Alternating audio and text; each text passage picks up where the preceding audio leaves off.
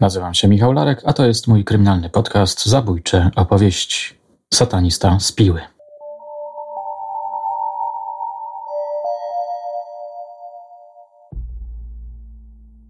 To historia jak z kryminałów Grahama Mastertona, które często są podszyte makabrą rodem z horrorów.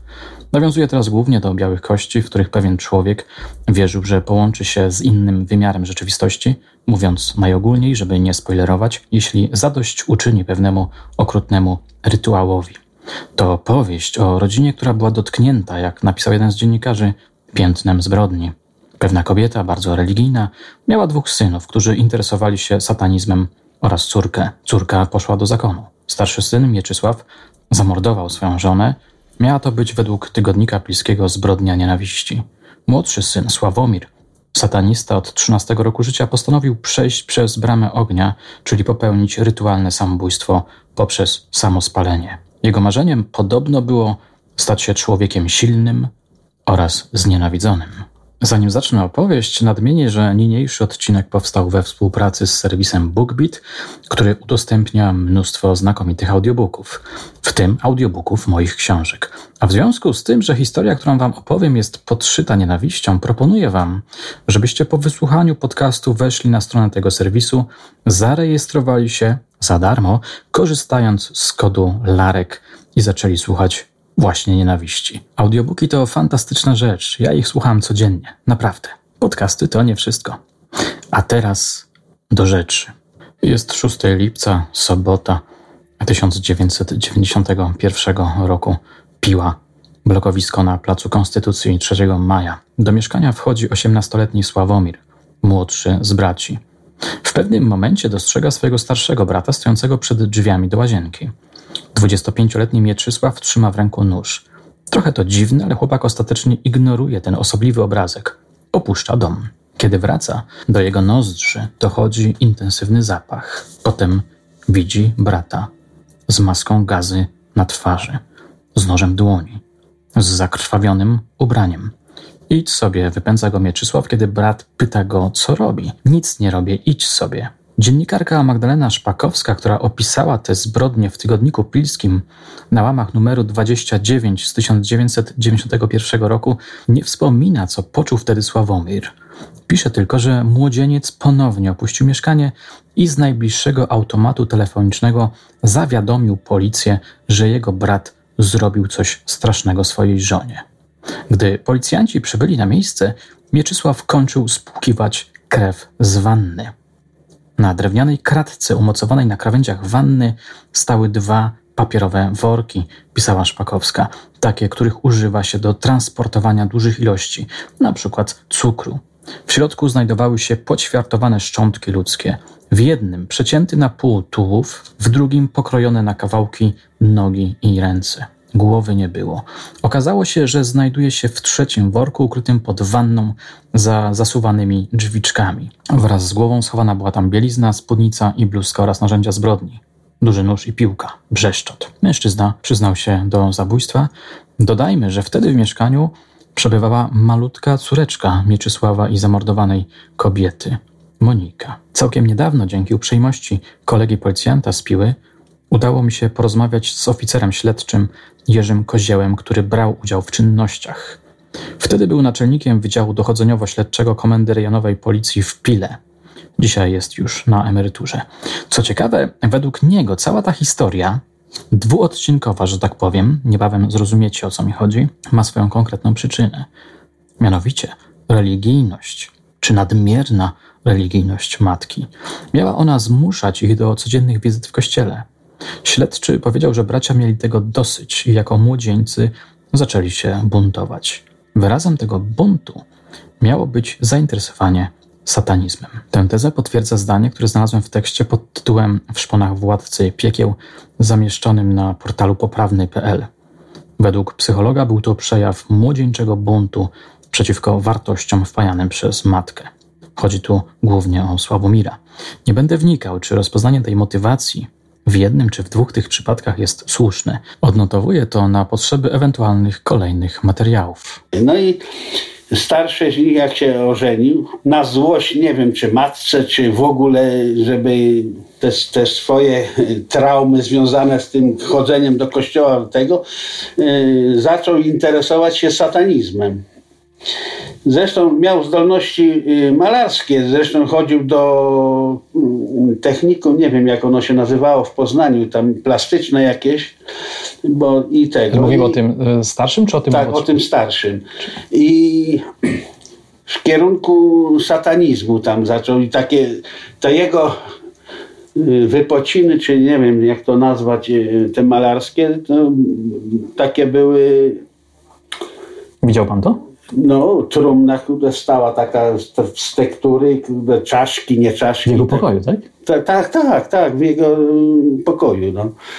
I zaczął się znęcać nad tą żoną i to znęcanie miało bardzo drastyczny ten, bo nawet do, potrafił włączyć taką pralkę, jak tu ja mam franie i głową ją tam zanurzać i tego. I ona w końcu nie wytrzymała i to zgłosiła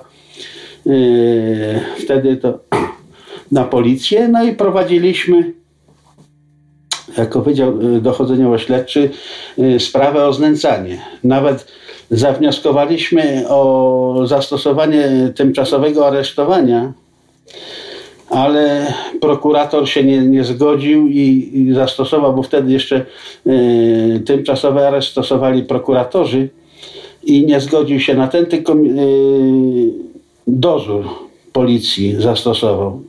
I na drugi dzień potem dostajemy z rana informację, że jest zabójstwo w jednym z bloków na Placu Konstytucji w Pile. Redaktor Szpakowska napisała kilka zdań o tym małżeństwie. Początkowo pomiędzy nimi było wszystko dobrze. Mieczysław kochał żonę Małgorzatę, namalował jej portret. W dniu zabójstwa wisiał na ścianie. Potem ich relacja zaczęła się psuć po urodzinach dziecka. Mieli różne charaktery. Ona większy temperament, lubiła imprezy, alkohol, wiele rzeczy traktowała lekko. Zaczął ją bić, znęcać się nad nią. W końcu złożyła do prokuratury skargę na niego. Planowała rozstać się z mężem. Rodzicom powiedziała, że nie chce już żyć z takim brutalem. Później wuj Małgorzaty powie w czasie przesłuchania, że podejrzewał Mieczysława, iż ten już wcześniej planował ją zamordować. Jego krewny pracował z Mieczysławem. Według niego był to mężczyzna spokojny, małomówny, miły dla innych, ale ewidentnie nie lubił kobiet. Podobno od paru miesięcy przygotowywał w warsztacie jakieś noże. Na pytanie, po co to robi, odpowiedział, że mogą się przydać. Zmontowałem ekipę dochodzeniową-śledczą, pojechaliśmy na miejsce i okazało się, że właśnie ten, który miał dostać areszt y, dnia poprzedniego, zamordował swoją żonę makabrycznego widoku dokonało to, że w chodziku chodził taki y, syn ich. Przypomnę, że według artykułu była to jednak córeczka. Nie wiem, może wtedy miał z półtora roku, niecałe dwa. Tak, że jeszcze samodzielnie nie chodził, tylko w chodziku. Jak weszliśmy do tego mieszkania, chociaż ja już y, kilkanaście lat i różne sprawy widziałem, to takiego widoku y, po raz pierwszy, bo co się okazało? Szukamy zwłok tej kobiety, tej żony tego, tego sprawcy, bo on uciekł oczywiście, nie było go w mieszkaniu. I dopiero jak zaczęliśmy otwierać szafki w kuchni i pod wanną i tego reklamówki zaczęliśmy odkrywać z poszczególnymi częściami ciała tej y, zabitej żony. Po prostu rozkawałkował ją na części, tak nie wiem czy to tak można nazwać pierwsze, bo głowa była osobno, y, ręce osobno, nogi osobno, mało tego jeszcze, bo cała noga to by się tam w te reklamówki nie zmieściła, to jeszcze podłudzia i stopy osobno, udo osobno, no i korpus. On tam zaczął usuwać ślady, bo y, dywan był zwinięty. Dopiero jak żeśmy przeszukali pobliskie śmietniki y, w tym, tam znaleźliśmy i dywan, no i kawałek tam y, zwłok.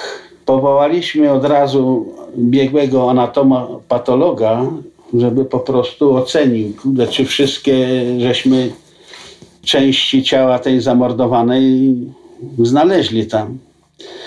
No i stwierdził, że niby wszystko. Dopiero następnego dnia w czasie już sekcji okazało się, że brak jest y, organu wewnętrznego jednego z organów. Nie pamiętam dokładnie, ale chyba chodziło o wątrobę y, tej y, zamordowanej. A gdyby mógł Pan powiedzieć trochę o swoich uczuciach. Weszliście tam, mówi Pan o makabrze, było to dziecko. Tak, Co tak. wtedy czuliście? Ja po prostu nie mogłem zrozumieć, jak człowiek, no zda, zdaje się, e, nie jakiś tam psychopata, nie, nie tego, chociaż po tym, e, że ta trumna tam stała, no to miałem jakieś e, wyobrażenie, że to normalny, że tak powiem, na umyśle chyba nie jest ten sprawca, mąż tej, tej, tej zamordowanej. No ale no Najbardziej to było przerażające ten, ten dzieciak w tym chodziku, który chodził po tym, y, po tym y, pokoju, gdzie tam na, na jeszcze krwi było sporo. Także no.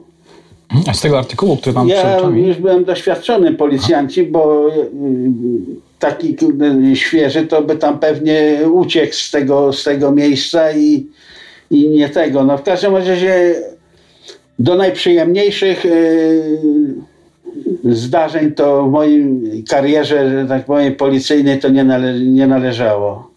No ale trzeba było czynności wykonać i nie było wyjścia. Ja, y, zanim przejdzie Pan do czynności, które wykonywaliście potem, taką jedną mam y, uwagę czy pytanie. Z artykułu, który mam przed oczami, wynika, że mm, te satanistyczne rekwizyty, tu jest mowa o czaszce zwierzęcej, łańcuchach, wizerunkach diabelskich, i o... Nie, to tam przekoloryzowane trochę to jest. Ale tu jest informacja, że to było w pokoju tego młodszego, te, młodszego, tego Sławomira. Tego młodszego, tak, zgadza się. No i później został e, zatrzymany. Oczywiście dostał areszt już. E, dzieciakiem zajęła się rodzina żony, a w mieszkaniu tym pozostał e, młodszy brat z matką i mieszkali tam dalej. I po kilku latach miałem znowu wątpliwą przyjemność uczestniczyć w kolejnym zabójstwie w tym mieszkaniu, gdzie młodszy synuś yy, zabił mamusię. Ale zanim przejdziemy do zdarzenia z 1998 roku, przedstawię Wam, jak przebiegało żonobójstwo. Pomiędzy młodym małżeństwem doszło do kłótni o opiekę nad dzieckiem. Zarzucali sobie wzajemnie, że nie zajmują się Moniką. Awantura wzmagała się. Ona miała sięgnąć po słoik, on chwycił za nóż. Szpakowska pisała: Mówi, że chciał uderzyć ją w rękę, ale tak się obróciła, że cios zadał jej w plecy powyżej prawej nerki. Upadła. Tego mu jeszcze było mało. Chwycił ją za gardło i zaczął dusić. Ściskał w szale tak długo, aż rozbolały go palce. Potem nie mógł przez jakiś czas rozprostować palców. Za nogi zaciągnął zwłoki żony do łazienki. Tam je rozebrał i zaczął systematycznie kroić. Ciało nożem, kości piłką, Każdą odciętą część dokładnie obmywał. Najdelikatniej obchodził się z głową, głaskał włosy. Gdy nie mogła na niego krzyknąć, wydała mu się nawet ładna i miła. Wszystko to robił z zadowoleniem. Wreszcie, jak przyznał, uwolnił się od swej udręki. Nawet głowa przestała go boleć. Worki z rozkawałkowanym ciałem chciał porzucić na pobliskich bagnach. Tak twierdzi dziennikarka. W czasie z jednego przesłuchań Mieczysław miał powiedzieć, że kiedy w łazience obmacywał odciętą głowę żony pod strumieniem wody, miał wrażenie, że widzi siebie sprzed godziny, jak stoi w kuchni i dusi Małgorzatę. Sąd wojewódzki skazał go na 15 lat pozbawienia wolności. Podobno Sławomir nie odwiedził go ani razu w zakładzie karnym. Tutaj kończy się pierwszy odcinek.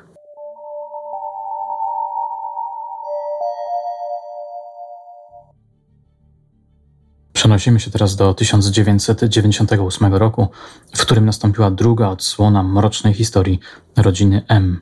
Media opisując kolejne zabójstwo w mieszkaniu na Placu Konstytucji 3 maja wzbijały się na wyżyny stylistyczne – na przykład tygodnik Pilski donosił Brama Ognia.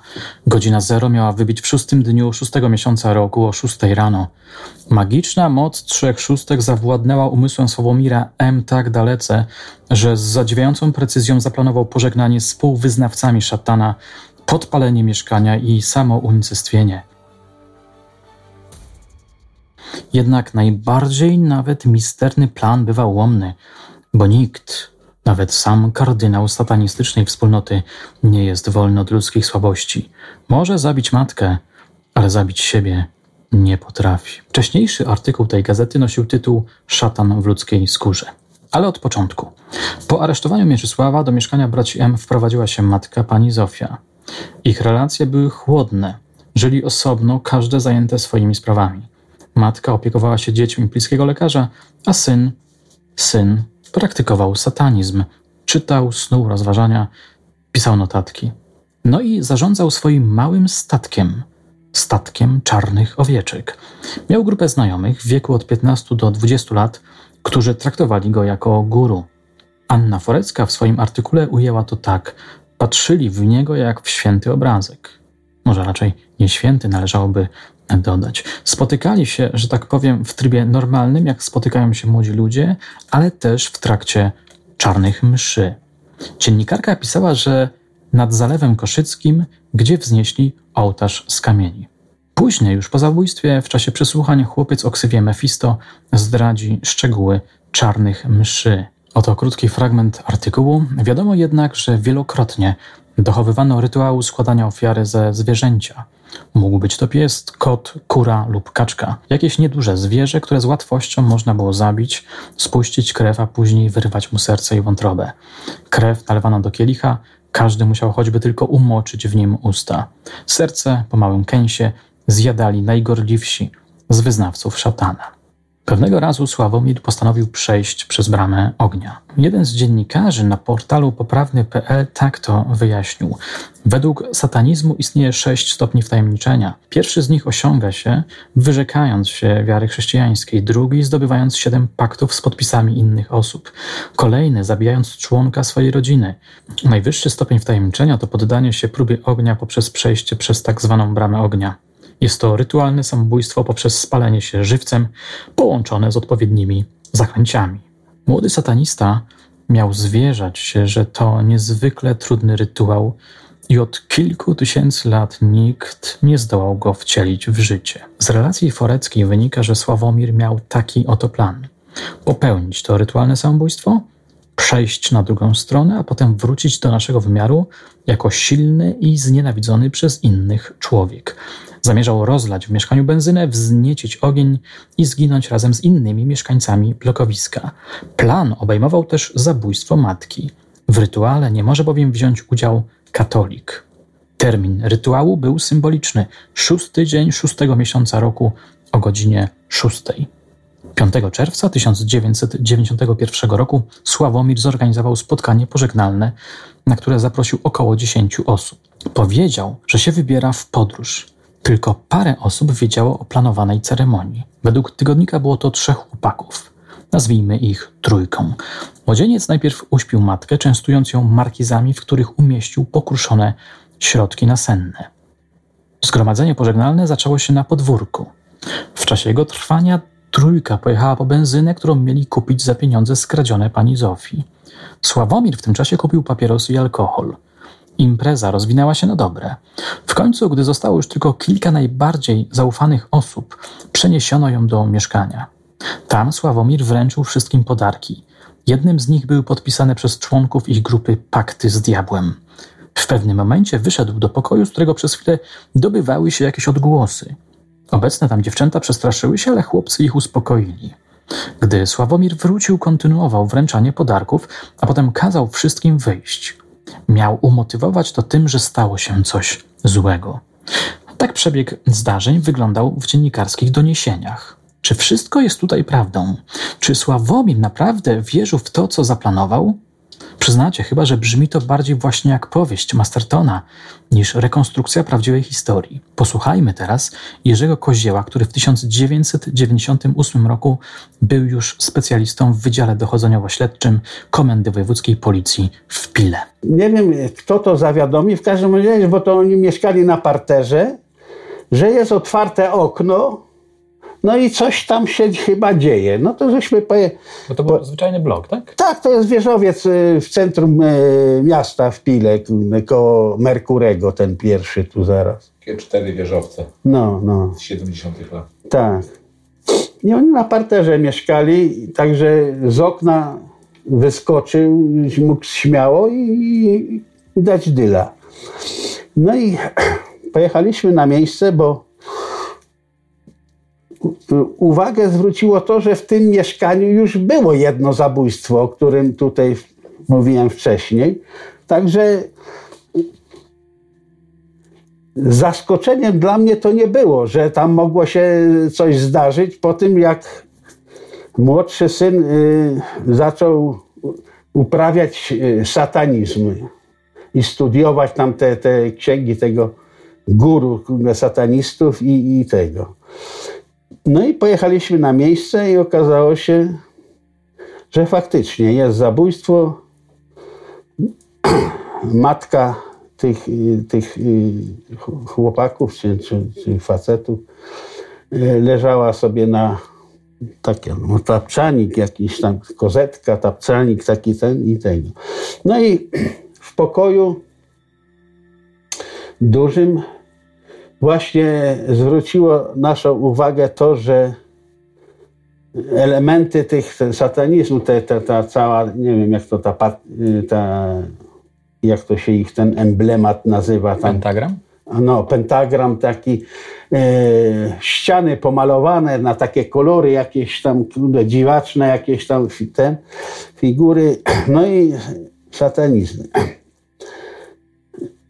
a jego nie było na miejscu, już gdzieś uciekł. Ale y, po rozmowach y, tam z sąsiadami i tak dalej ustaliliśmy, że tam y, dzień wcześniej, bo to zgłoszenie było następnego dnia po, po całym zajściu, była grupa rówieśników tego młodszego syna i po nitce do kłębka ustaliliśmy skład tej całej tam tego. On zaprosił swoich tam e, wyznawców, że tak powiem, bo on się mienił takim już bardziej wtajemniczonym. Był jakimś kapłanem? E, nie no, kapłanem to nie wiem, ale w każdym razie jakieś tam te czarne msze coś odprawiał i tak dalej. I, I im tam naopowiadał, bo żeśmy ich tam później przesłuchiwali że on teraz e, dostąpi tego ostatecznego wtajemniczenia, czyli sam się, kurde tam, a cała kwestia miała się odbyć 6 czerwca. Ale co, co on planował? Co on chciał zrobić? No, mamusię kurde, zabić, a, a później samemu się, y, no miał podpalić się, kurde, y, oblać benzyną, Jakby podpalić i, i, i kurde, no, jakieś tam ostateczne wtajemniczenie przejść. Z artykułu wynika, że on planował, jak to zostało ujęte, ja panu to powiem, się pan odniesie, że on planował próbę ognia i miał. No to, no to miała być próba ognia z, łącznie z jego spaleniem. Tak, tak. No. Miał przejść do innego wymiaru. Tak, dlatego zakupili karnisterek taki pięciolitrowy e, benzyny i to było 5 czerwca, jak oni tą benzynę kupowali i 6, tak jak mówię, 6, 6 o godzinie 6 miało to się nastąpić tym. Ale na przeszkodzie tu stała mamusia. No to sobie wymyślili, że kupili takie ciasteczka, o takie markizy podwójne takie i jakieś tabletki tam nasenne i tutaj nafaszerowali te ciasteczka i jak mamusia przyszła e, z kościoła, no to usłużny synuś zrobił mamusi kawkę i poczęstował ją tymi ciasteczkami. Jak ona zjadła tam nie wiem ile tych ciasteczek, no to usnęła tam na tym tapczaniku. I wtedy synuś wziął młoteczek, im tam nie kazał wchodzić do pokoju i tam parę razy matkę potraktował tym młotkiem w głowę, także no po prostu ją zabił. I wtedy, jak oni, to, to, to, to jego towarzystwo zobaczyło, co on zrobił, no to postanowili uciec. A on w tym dużym pokoju na dywanie postawił świeczkę, tą benzyną miał tam oblać się, takim tłumaczył, ale oni już tego świadkami nie byli, bo już uciekli, kurde, bo zdawali sobie sprawę, co się stało. I taki jakby ląd, coś tam z tej, ten, i ta świeczka jak się miała tam dopalić, no tak mniej więcej, o- że o godzinie 6, to się zapali ta, ta benzyna, nastąpi wybuch, no i on tam się tego. Ale niestety te plany jego chyba go przerosły i to samo spalenie i to wszystko, bo, bo dał dyla z tego mieszkania przez to okno i zostawił uchylone i w Polskę ruszył gdzieś. Czyli przestraszył się tych swoich planów, tak? Tak, przez, w końcu się przestraszył, no i strefił, że tak powiem, i tego. I tych, a ta świeczka jakoś tak zgasła, że ten pożar w tym mieszkaniu nie nastąpił. A, No to, i a to jest blok? No. 21 rodzin. tak, tak. I tego. Także ta świeczka zgasła i jak my żeśmy tam przyjechali na miejsce na oględziny już, to to tak to wszystko było. Ten karnister był pusty, rozlana ta benzyna i tego. Ten, ten pokój faktycznie robił takie makabryczne wrażenie, bo to, to te malunki takie inne, tam te, też pomalane te ściany, to wszystko i te e, emblematy te satanistyczne, to takie ponure to wrażenie robiło. W każdym bądź razie po przesłuchaniach tych jego ziomków yy, podali nam adres jednego z nich, bo on yy, do, po, jeździł po Polsce tam różne, spotykał się z tymi różnymi, gdzieś w Lubuskim, ale już w miejscowości w, po tylu latach. już- Spotykał się z innymi satanistami? tak, tak. Yy, nie tego i, i wysłaliśmy tam e, powiedzmy informację do miejscowej policji i tam go został zatrzymany. No i doprowadzony do tego, dostał areszt oczywiście i, i, i tak sprawa zakończyła się, że jeden synuś dokonał morderstwa i drugi, a nadgorliwość mamusi chyba ich do tego doprowadziła, właśnie związana z tym, że, że od, od maleńkości ciągała ich dwa razy dziennie, czy, czy codziennie, cały tydzień do kościoła i w końcu oni zaczęli się buntować przeciwko temu. A widział pan ich, tych, tych mężczyzn? Tak, tak, widziałem. Jak widziałem. oni wyglądali? Jak się zachowywali?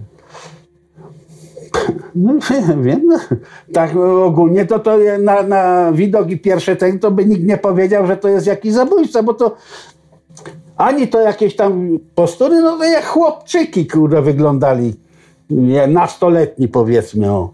Bliższego kontaktu po tym zabójstwie z nimi nie miałem, także trudno mi jest powiedzieć, y, co tam i w tych psychice, ani nie przesłuchiwałem, bo po prostu ja nadzorowałem, ale na takich poważniejszych zdarzeniach to jeździłem na, na zdarzenia i na oględziny. A co na przykład mówili sąsiedzi o, tych, o tej rodzinie, o, o tej matce, o tych No, chłopakach? e, sąsiedzi za dużo tam nie mówili, tylko tyle, że, że ta matka po prostu mm, no, e, przez tą swoją nadgorliwość e, wiary, że ich ciągała po tym kościele i może to ich wykrzywiło kurde, te, te, psychikę i tak dalej, nie? Że, że, że dopuścili się później takich e, czynów. Nie? Okrut. On, ten Sławomir naprawdę mm, organizował jakieś czarne msze? Tak, ale to, to oni organizowali, jak obwodnicą na Wałcz by się jechało, po prawej stronie jak jest zalew, tam stary browar był i tam takie, i prawdopodobnie tam to y, organizował te, ten. Tam gdzie kuźnik, rezerwat, nie? No, no, no, tam gdzie jest rezerwat Kuźnik i tam jest takie ruiny, kurde, po starym browarze, takie tam jest, no po jakieś tam, nie wiem, y, piwnice jakby tam, gdzie, gdzie, gdzie te piwo, czy to tam, te kadzie były przechowywane i tam y, z, te, z opowieści właśnie tych, tych jego y, koleżków i koleżanek y, to wynikało, że oni tam To była wtedy nowość dla pilskiej policji, że satanizm i tak dalej? No nie było takich e, zdarzeń, gdzie by podłożem były właśnie takie e, jakieś tam satanistyczne, A wie pan, jak wyglądały te msze? Oni opowiadali trochę o tym? tam jakieś koty, jakieś tam inne zwierzaki tam kurde niby tego Zabijali. zabijali, no i tam... Składali w ofierze. Tak, tak, tak, tak. tak to... No, Ale oni w to wierzyli, czy to była jakaś taka forma, nie wiem, jakiejś rozrywki? Czy wierzyli, to ja nie wiem, ale wątpię, że oni wierzyli. No po prostu coś nowego i, i, i młodzież się tam zainteresowała jakiegoś rodzaju buntu albo coś takiego, ja to bym tak określił. Jedna dziewczyna w tym całym e, mieszkaniu tam była chyba, jedna albo dwie, chyba jedna. I później uciekły razem z tymi pozostałymi. Wie pan co, bo w artykule jest inaczej to ujęte. Em, W artykule, w jednym z tych artykułów jest napisane tak, że em, on ich po prostu zaprosił na takie, s- na taką uroczystość pożegnalną. No tak, to tak, tak miało być, no, no, że to ten. Wręczył im jakieś e, prezenty, potem na chwilę wyszedł, powiedział, że coś musi załatwić. Oni coś tam słyszeli. Nie, oni przecież Ale- razem z nim byli w CPN-ie, kurde, po, po benzynę. Tak, tak, tylko, No. chodzi, tylko y, y, może ja powiem, jak No. tu jest w artykule i pan się odniesie do tego, jak według pana było naprawdę. Em, siedzieli w tym, w tym mieszkaniu. Sławomir. No i wyszedł- tam mm, różne snuli plany, kurde, Tak, znaczy to, on. to zaraz, ja dokończę i pan No. zaraz y, weźmie, weźmie, zabierze głos. E, On wyszedł, ci nie wiedzieli, znaczy dziewczyny nie wiedziały, co się będzie teraz działo. Tak, Słyszały tylko jakieś tam mm, odgłosy. tak, tak. I on wrócił, powiedział, że coś się stało i muszą wyjść. On w tym czasie zamordował y, tę, tę matkę. I oni wyszli. I dopiero potem y, on próbował dokonać podpalenia. To znaczy, e, oni wiedzieli, e, co się stało z matką. No przecież młotek przodnik e, brał? No, Z artykułu wynika, że nie. Znaczy, No, taka nie. jest tam wersja. A ja mam takie pytanie, bo tu jest napisane jeszcze tak. To był 17 czerwca. Razem przygotowywali te ciasteczka, te, te, te, te, te, to, to, to, wiedzieli, do czego to służy, że mamusia ma e, Być spokojny. tak, usnąć. Nie, Nadciął sobie żyły na, na obu przedramionach. Miał takie? nie, nie. Nie, nie, nie miał żadnych tam nacięć. Ale wracając tak No. jeszcze uściślić, to się czas trochę przesuwa, bo on uciekł i dopiero kiedy czuć było coś z mieszkania, to powiadomili, że jest cisza. To nie jest tak, że natychmiast powiadomili sąsiedzi. Tak jest Nie, nie, no. że kilka dni to trwało. Nie, nie, kilka dni nie. I było siłowe wejście Tak, do mieszkania, bo czuć już było. nie, nie było Nie? czuć, nie? Nie. Zwłoki były, Czyli tu tak źle, to, no, no tak to jest opracowane. No. Słuchajcie, to ja to wam przeczytam. zwłoki były, że tak powiem, jak to się w naszym żargonie mówi, świeże. Świeżo. No to, to ja przeczytam i, O. to, i się panowie odnieście do tego. Em, więc podciął sobie em, ramiona, przedramiona, jak to nakazuje rytuał, poddał się medytacji. Jak długo? Nie wiadomo, chyba niezbyt długo, bo nagle zrobiło mu się niedobrze. Odczuwał silne zawroty głowy, zaczął się dusić. Wsia, wstał, zdmuchnął świeczkę, która miała zainicjować pożar, Aha. pozakręcał wszystkie kurtki i uciekł. e, Kurki Nie, i to, uciekł. to już jest... I potem 17 czerwca wydobywający się spod drzwi przykry zapach i opary benzyny skłoniły policjantów i strażaków do wejścia przez okno. Ciało Zofii M. znajdowało się już w stanie rozkładu. Od Nie. chwili popełnienia zbrodni minęło już wówczas jest 11 oko- lat. To już jest y, podkoloryzowane tam przez autora chyba tego Ale to artykułu. dlaczego on taki czas wydłuża od tego dnia szóstego? Ani nie zdmuchnął świeczki, bo ona sama zgasła. No, Czyli wersja no. była inna. E, Tak, rzeczywistość tak. była inna niż Tak, to tak. napisane. To jest tam po- podkoloryzowane pod... Być może te zatrzymanie jest po kilkunastu dniach i dlatego ten artykuł tak... Zatrzymanie było chyba po dwóch albo jak trzech dniach, bo, bo zanim go tam znaleźli, to, to upłynęło tam, nie wiem, już teraz dokładnie nie pamiętam, czy dzień, czy dwa, kurde, jako, Od czy waszego- trzy.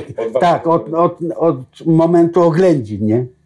Ale zwłoki były świeże, nie? No, żadnych rozkładu nie było ani nic. Opary benzyny można było czuć, kurde. W każdym razie ja tam już jak przyjechałem na tym, to nie czułem tam za bardzo oparów e, benzyny i tego, ale w każdym razie zainteresowało sąsiadów to, że jest otwarte okno. Aha. No i coś trzeba z tym zrobić. No i we, przez okno tam, nie pamiętam, czy strażacy wchodzili, czy któryś tam z naszych wszedł i, i stwierdził to, do, że są zwłoki. No i wtedy trzeba było drzwi, e, powiedzmy, siłowo otworzyć i, i przeprowadzić oględziny i tak dalej. Nie? A zna pan okoliczności zatrzymania go przez tą lokalną policję? Nie, okoliczności nie znam zatrzymania tam w Lubuskiem. Koło jakiej y, miejscowości to było? Czy to Międzyrzecz był, czy w każdym razie gdzieś tam między Zieloną Górą a Gorzowem, ale dokładnie już nie pamiętam, bo to upłynęło do pory szmat czasu. Także. Zresztą dla spokoju psychicznego to starałem się nie rejestrować dokładnie tych wszystkich zdarzeń, bo, bo człowiek czasami mógłby psychicznie nie wytrzymać po tych zabójstwach, y, wypadkach śmiertelnych, gdzie niejednokrotnie ofiary były rozkawałkowane i tak dalej. Jak słyszymy, relacje policjanta oraz dziennikarzy trochę się różnią między sobą w zakresie niektórych szczegółów. Dodam jeszcze, że według tygodnika pilskiego Sławomir uciekł na Śląsk, gdzie krążył przez jakiś czas bez celu. Podobno nawet chciał się oddać w ręce policji, ale odstąpił jednak od tego zamiaru. Tygodnik twierdzi, że zatrzymano go w Cerekwicy w ówczesnym województwie szczecińskim. Zabójca miał tam przyjaciela. Za jakiś czas prawdopodobnie będę miał możliwość porozmawiać z prokuratorem, który prowadził tę sprawę, więc może uda się poddać weryfikacji przedstawione tu rekonstrukcje wydarzeń. Dam Wam znać, jeśli zdobędę materiał, nagram kolejny odcinek podcastu. Tak czy owak, 20 czerwca Sąd Rejonowy w Pile zdecydował o aresztowaniu Sławomira M. Zarzut dotyczył zabójstwa matki oraz spowodowania bezpośredniego niebezpieczeństwa pożaru i wybuchu w budynku mieszkalnym. Według biegłego wybuch był realny, zginąć mogło wiele osób. Autor artykułu zamieszczonego na portalu poprawny.pl pisał: Biegli stwierdzili, że Sławomir M., mordując matkę, był w pełni poczytalny i działał z pełnym rozeznaniem. Brak było jakichkolwiek okoliczności, które wyłączyłyby odpowiedzialność karną. Sąd też nie miał żadnych wątpliwości i skazał Sławomira M. na karę dożywotniego więzienia.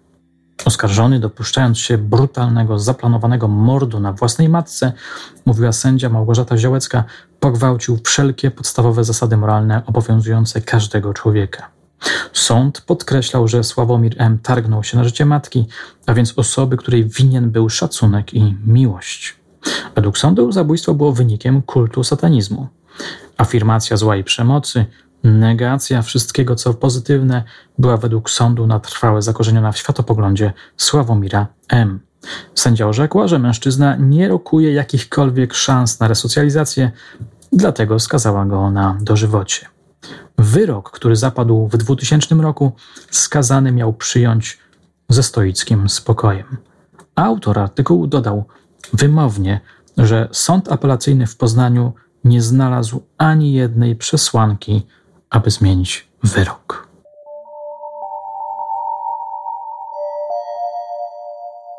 Konstruując ten materiał, zacząłem podczytywać sobie opracowania poświęcone satanizmowi. Zaprzyjaźniony szkieł Janek, któremu dziękuję za pomoc, podesłał mi kilka artykułów Jerzego Wójcika, który na początku lat 90. na łamach magazynu kryminalnego 997 publikował teksty na temat tej subkultury.